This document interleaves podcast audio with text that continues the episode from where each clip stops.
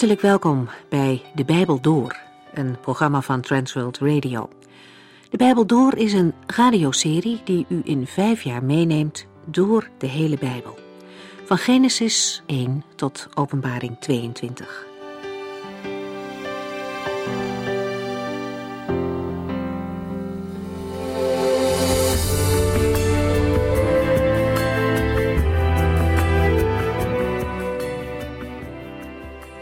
Fijn dat u luistert.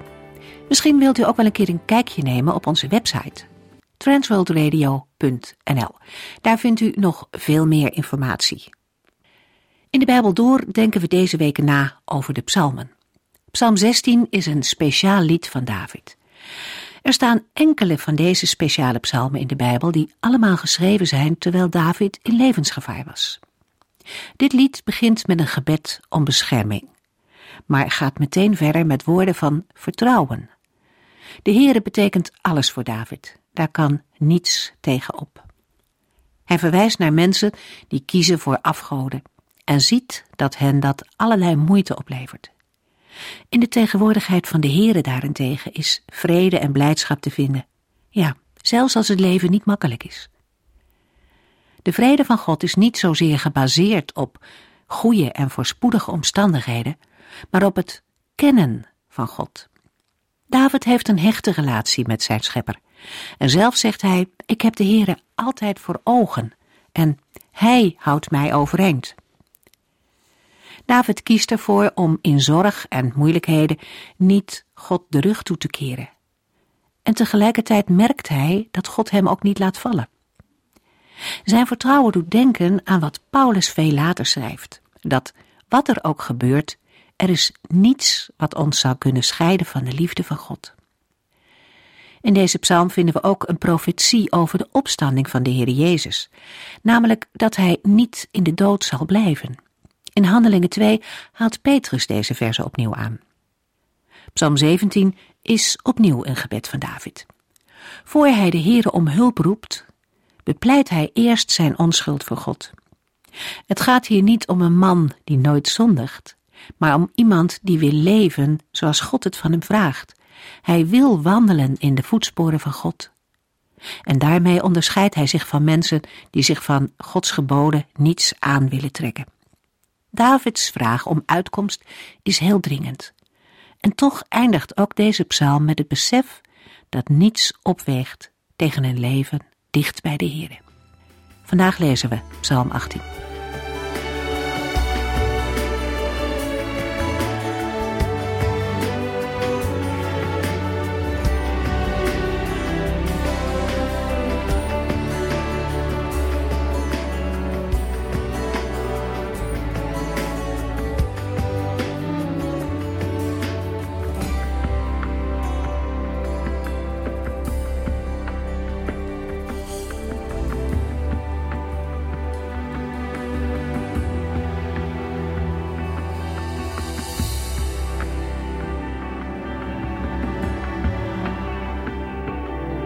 Psalm 18 kan worden gekarakteriseerd als een dankpsalm.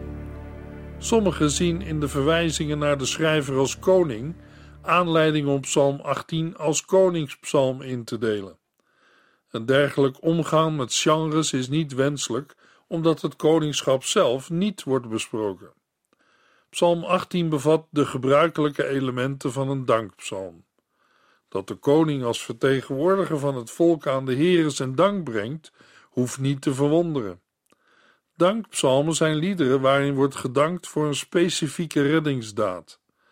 Ze verschillen van de lofpsalmen omdat het gaat om een concrete situatie. Tot de dankpsalmen behoren negen liederen uit het Bijbelboek Psalmen. Een dankpsalm is een reactie op Gods ingrijpen, bijvoorbeeld een genezing, een bevrijding of een verlossing uit gevaar. Ook hier kan een onderscheid worden gemaakt tussen individuele en collectieve psalmen. Een koningspsalm is een aanduiding voor een genre waaronder alle psalmen vallen die op de een of andere manier verbonden zijn met het koningschap. Psalm 18 is ook opgenomen in 2 Samuel 22. De psalm is opgebouwd uit vijf onderdelen. In de eerste regel van vers 1 vinden we het opschrift. In de rest van vers 1 tot en met vers 4 de inleidende lofzang. Dan volgen in vers 5 tot en met 28 omschrijvingen van de nood, een roep om hulp en de bevrijding. In de versen 29 tot en met 43 lezen we over Davids achtervolging en overwinning van zijn vijanden. Vers 44 tot en met 51 geeft een beschrijving van Davids installatie als koning en de ervaren zegen van God. Zo bezien is er na de inleiding sprake van een opgaande lijn, van uitredding naar overwinning tot de kroning van de koning. Een opbouw die past bij de inleiding in Psalm 18, vers 1. Voor de korendirigent van David, de dienaar van de Heere. Hij sprak deze woorden als een danklied voor de Heere, toen hij hem had verlost van zijn vijanden en ook van Saul. De uitdrukking dienaar of knecht van de Heere duidt op personen die in een bijzondere verhouding tot God staan. De uitdrukking komt onder andere voor bij de aartsvaders, Mozes en Jozua. De titel dienaar of knecht van de Heere houdt in de eerste plaats een speciale roeping in om de Heere te dienen, maar is ook een aanduiding van de nauwe relatie met de Heere. Sommige uitleggers zijn van mening dat door het gebruik van de woorden dienaar of knecht van de Heere het gezag van de psalm wordt versterkt. De titel krijgt in Psalm 18 nog een heel bepaalde betekenis door de climax in vers 51. Daarin wordt de keuze van de Heere voor David verwoord in Gods verbond met David en zijn nageslacht.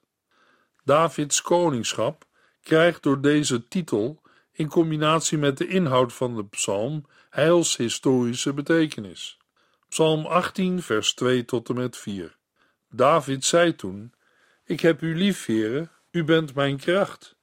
Heer, u bent als een rots voor mij, als een sterk fort. Altijd bent u mijn bevrijder. Mijn God bent u, mijn rots, bij u schuil ik. Achter u, mijn schild, schuil ik weg. U verkondigt mijn redding, en bij u mag ik veilig wonen. Ik roep het uit, lof zij de Heere. Hij verloste mij van al mijn vijanden. David verklaart zijn liefde aan de Heere, die hij mijn kracht noemt. Daarmee schrijft David zijn heldendaden aan de Heere toe. Deze zin ontbreekt in 2 Samuel 22. En het is niet duidelijk waarom die daar is weggelaten of aan Psalm 18 is toegevoegd. In ieder geval is de zin een uiting van de persoonlijke relatie van de dichter met God. De lofzang die volgt ziet speciaal op de gevaren die David liep in de tijd van vervolging door Saul, toen hij zich in het rotsgebied moest schuilhouden. Naast de metaforen die ontleend zijn aan het landschap, beschrijft David de Heer in militaire termen. Het gebruik van metaforen en vergelijkingen is kenmerkend voor oud-Oosterse poëzie. Psalm 144 ontleent veel aan deze opsomming. Het is opvallend dat in Psalm 18 vooral gesproken wordt in defensieve termen. Het woordgebruik doet denken aan de periode voorafgaand aan Davids koningschap, toen hij rondzwierf en dikwijls moest vluchten naar moeilijk bereikbare plaatsen. De termen liggen dicht bij elkaar en zijn daarom vaak moeilijk te vertalen in het Nederlands, vanwege onze beperkte woordenschat met betrekking tot een bergachtige omgeving.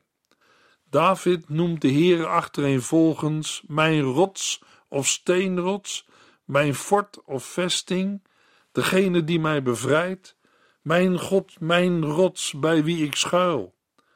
Achter u, mijn schild, schuil ik weg, en bij u mag ik veilig wonen.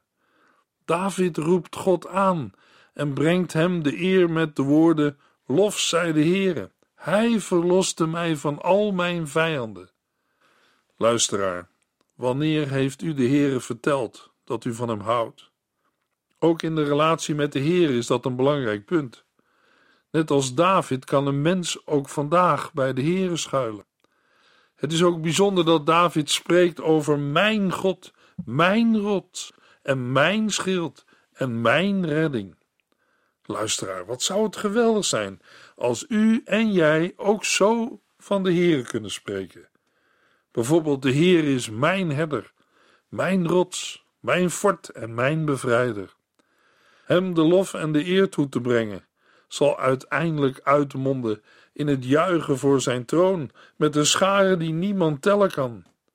Het lam dat geslacht is, is het waard om alle macht, rijkdom, wijsheid, kracht, heerlijkheid, lof en eer te ontvangen.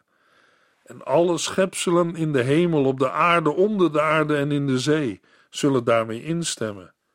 Alle lof, eer, heerlijkheid en macht is voor Hem die op de troon zit en voor het Lam, voor altijd en eeuwig. En u, jij en ik, zullen wij samen met de vier wezens en de 24 ouderlingen in aanbidding voor Hem neervallen? Psalm 18, vers 5 tot en met 7. Ik heb de dood in de ogen gezien. De nederlaag stond voor mij. Ik voelde mij al bijna gestorven en het einde naderde. Toen ik ten einde raad was, riep ik naar de Heere. Ik vroeg mijn God mij te helpen. Hij hoorde mij en reageerde op mijn hulpgeroep. David geeft in de versen 5 tot en met 28 een erg dramatische beschrijving van zijn nood, gebed en redding. Het taalgebruik is beeldend. Bij alles moet worden bedacht dat het om een collectieve beschrijving gaat in dichtelijke vorm. David vat de gevaren van zijn leven tot nu toe samen, net als het ingrijpen van de Heere. Dit maakt dat de beschrijvingen algemeen worden, zelfs zo algemeen dat de profeet Jona zich herkende in het doodsgevaar van David. In Jona 2 vers 3 tot en met 10 gebruikt hij woorden uit dit gebed in Psalm 18.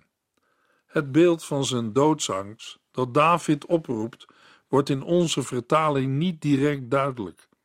Vergelijken we het met 2 Samuel 22, vers 5, dan lezen we: De golven van de dood omspoelden mij.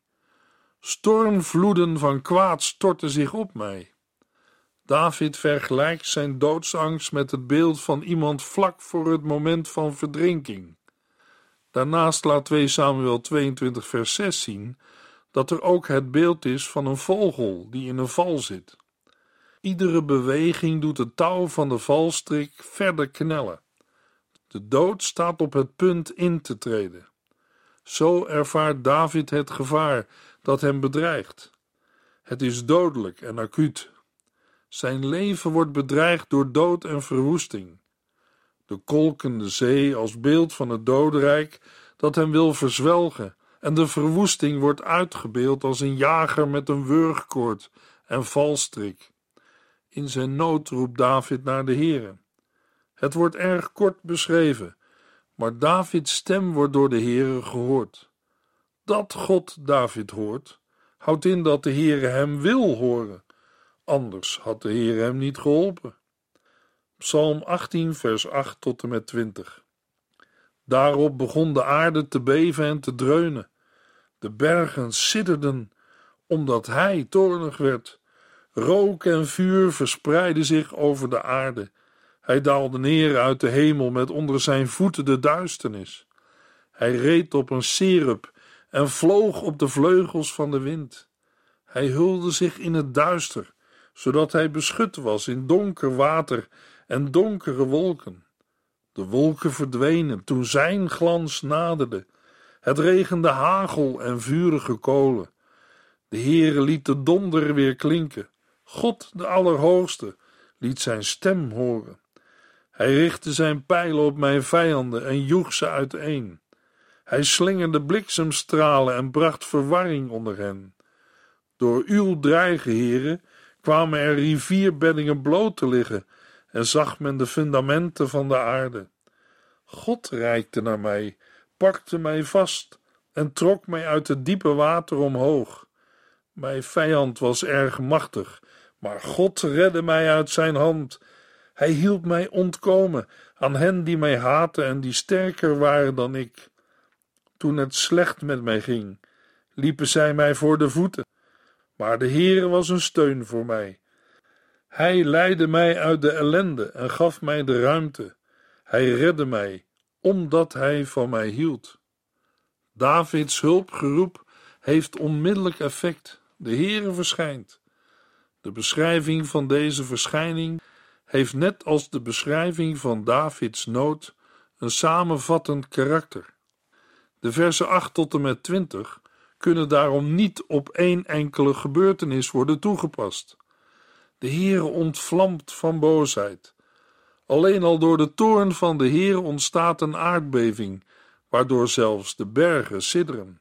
Rook stijgt op uit zijn neus, vuur uit zijn mond en gloeiende kolen worden uitgestoten. Het beeld dat wordt opgeroepen is dat van een allesverwoestende vulkaanuitbarsting. De Heere buigt de hemel neer en daalt af, met een donkere wolk onder zijn voeten. Bij zijn afdaling bestijgt hij een serup en vliegt daarmee zwevend op de vleugels van de wind. Serups zijn hemelwezens. Zij bewaakten de hof van Ede na de zondeval, maar werden ook in de tabernakel afgebeeld, op het voorhangsel tussen het heilige en het heilige der heiligen het gordijn voor de ark van het verbond. Ook beschutten twee serups de ark van het verbond met hun vleugels, wat doet vermoeden dat hun hoofdtaak het bewaken van Gods heiligheid is. In de tabernakel werden ze gevleugeld afgebeeld.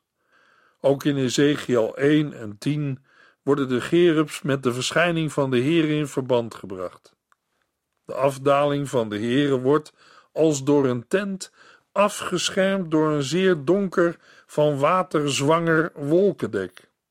Vanuit de vuurgloed die voor hem is, schieten hagel en branden de kolen door de wolken. De Heere laat het donderen en zijn stem als allerhoogste horen. Bliksemschichten worden als pijlen afgeschoten, waardoor de belagers van David moeten wijken en in verwarring worden gebracht.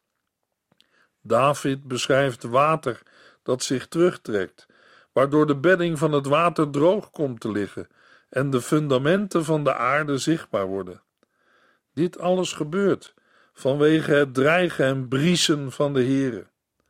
Door deze terminologie wordt onherroepelijk ook het beeld opgeroepen van Israëls redding door de Heere bij de Rietzee. God reikt zijn hand naar David, grijpt hem en trekt hem uit het diepe water omhoog. In vers 18 vat David concreet samen wat hij in het vorige vers beschreef. God redde hem van een machtige vijand en van veel mensen die hem haten. Dit deed hij omdat ze sterker dan David waren. Het lijkt erop dat David hier, net als in vers 1, weer stilstaat bij zijn ervaringen met Saul. Toen het slecht ging met David en hij weerloos en ellendig was, wierpen zijn vijanden zich op hem, maar de Heere steunde hem. De Heere leidde David weg uit zijn benauwde situatie naar een plaats waar hij weer bewegingsruimte had. Het beeld van vers 5 en 6 wordt reddend omgekeerd. De banden van de dood worden doorgesneden en het water dat David verstikte stroomt weg.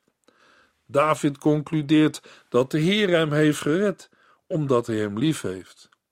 In de volgende verse wordt dit nader uitgewerkt. Psalm 18, vers 21 tot en met 28. De Heere deed dit omdat ik rechtvaardig ben. Hij hielp mij omdat geen kwaad aan mijn handen kleeft. Ik heb altijd op zijn weg gewandeld en ben nooit op een dwaalweg van God afgeraakt. Ik hield zijn wetten steeds in gedachten vergat nooit één van zijn regels. Ik gedroeg mij altijd precies zoals hij verwachtte en zorgde ervoor dat ik niet zondigde. De Heere heeft mij overeenkomstig behandeld. Hij zag mijn zuiverheid. U bent trouw tegenover wie u trouw is, en iemand die zuiver leeft, wordt door u op dezelfde manier tegemoet getreden. Aan de trouwe volgeling betoont u zich trouw maar voor de zondaar blijkt u een tegenstander. U verlost een volk dat in nood is, maar veracht trotse mensen. Volgens David is het ingrijpen van de Heer in overeenstemming met zijn rechtvaardigheid. Hij is door de Heere behandeld zoals hij zelf handelde, rechtvaardig en met reine handen. David heeft altijd op Gods weg gewandeld en is nooit afgedwaald. Hij is de Heere altijd trouw gebleven. Immers, Gods geboden staan hem steeds helder voor de geest. David is de Heere onverdeeld toegewijd en gaat het kwaad uit de weg. Met een verwijzing naar vers 21 worden de conclusies afgesloten. Omwille van Davids rechtvaardigheid en zijn onschuld in het handelen, grijpt de Heer in. U bent trouw tegenover wie u trouw is, en iemand die zuiver leeft, wordt door u op dezelfde manier tegemoet getreden. In Gods oog is David rechtvaardig en is zijn handelen zonder schuld. Voor de trouwe en de zuivere gedraagt de Heer zich op dezelfde manier. Maar voor de zondaar blijkt de Heer een tegenstander te zijn. Het onderdrukte volk wordt door de Heere gered, terwijl hij trotse mensen veracht. In de versen 29 tot en met 43 wordt de periode afgesloten die draaide om de nood en de redding van David. Het lijkt of Psalm 18 hier in een hogere versnelling gaat. Nadat David is gered van zijn vijanden, wordt het nu tijd voor een volgende stap: de achtervolging. Twee thema's zijn belangrijk: de verlichte weg en de strijd. Beide thema's worden door elkaar gebruikt. De rode lijn is dat de Heere David in staat stelt zijn vijanden te achtervolgen en hen te overwinnen. Na Davids redding houdt de Heere niet op zich met hem te bemoeien. De Heere zorgt ervoor dat de duisternis waarmee David was omhuld weer opklaart. De Heere is het licht in de duisternis. Met God worden alle militaire obstakels overwonnen. Met hem springt David over een muur en stormt hij een leger tegemoet. Bij een muur moeten we aan een verdedigingswerk denken. Veel steden in het oude Midden-Oosten hadden dergelijke bouwwerken. David benadrukt opnieuw de betrouwbaarheid van de Heere. Zijn weg is volmaakt, zijn woord is zuiver, en hij beschermt wie bij hem schuilt, zoals een schild dat doet. De lofprijzing bereikt haar climax in de retorische vraag of er naast de Heere nog iemand anders God of rots genoemd mag worden. David gaat verder over de God die hij als redder heeft leren kennen. Het is de God die hem kracht geeft en zijn weg begaanbaar maakt. Er is geen sprake meer van strikken of vallen, zoals in vers 6. Sterker nog, de Heere geeft David voeten als van een hert, zodat hij hoge bergkammen kan beklimmen. God traint Davids handen voor de strijd, zodat hij kundig de wapens kan hanteren. Wat volgt is een beeld van een strijder die gevallen of gewond is en die vervolgens door de Heere wordt afgeschermd, gesteund en weer op weg wordt geholpen om zijn vijand te achtervolgen. De Heere ruimt alle mogelijke obstakels op, zodat David weer ruimte heeft om te lopen en hij weer stevig op zijn voeten staat. David achtervolgt zijn tegenstanders en verslaat hen volkomen. Dat doet hij op zodanige wijze dat ze niet meer kunnen opstaan. David geeft God de eer voor de overwinning. Het was de Heere die hem met kracht ondersteunde en zijn tegenstanders voor hem vernederde. De Heere zorgde ervoor dat Davids vijanden op de vlucht sloegen. De overwonnen tegenstanders riepen om hulp, maar vonden geen verlosser.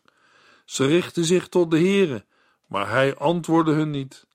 Dat is het grote verschil met Davids situatie. Hij riep en de Heere verloste hem wel. David geeft aan dat hij zijn tegenstanders heeft vernietigd. Zij waren niet meer terug te vinden. Dit laatste komt nogal wreed over, maar de bedoeling is om Gods totale overwinning over de machten van het kwaad aan te geven. Psalm 18, vers 44 tot en met 51. U liet mij ontsnappen aan de onlusten onder het volk. U hebt mij aangesteld tot koning over vele volken die ik niet kende. Zij werden aan mij onderworpen. Ze hadden nog maar net van mij gehoord of zij gehoorzaamden mij al. Vreemdelingen gedroegen zich onderdanig tegenover mij. Vreemden verloren zo hun sterke positie en verlieten vol angst hun versterkte kastelen. De Heere leeft, ik prijs hem, hij is mijn rots en ik geef hem de hoogste plaats. Hij is de God die mij in veiligheid brengt. Hij is de God die voor mijn wraak heeft genomen en volken aan mij heeft onderworpen. Hij heeft mij uit de handen van mijn vijanden gered.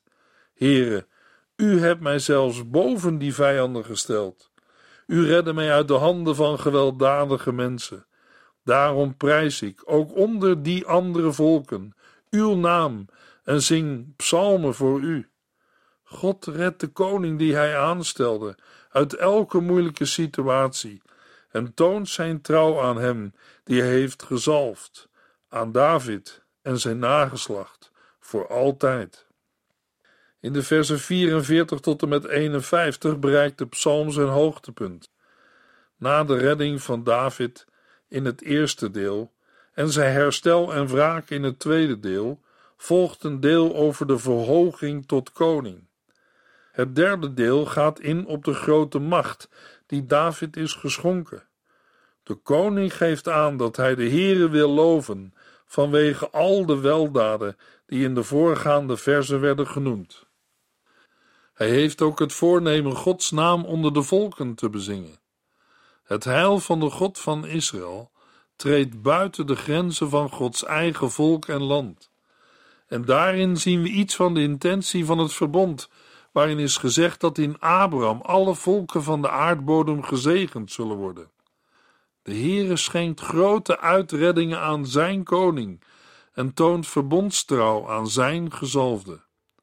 Hoewel Psalm 18 in het Nieuwe Testament niet veel aandacht heeft ontvangen, krijgt hij in het licht van het leven van Jezus een diepere betekenis. Jezus is als nakomeling van David ook van de banden van het dodenrijk gered en zal uiteindelijk als koning heersen totdat al zijn vijanden verslagen zijn. In de volgende uitzending lezen we Psalm 19 en 20.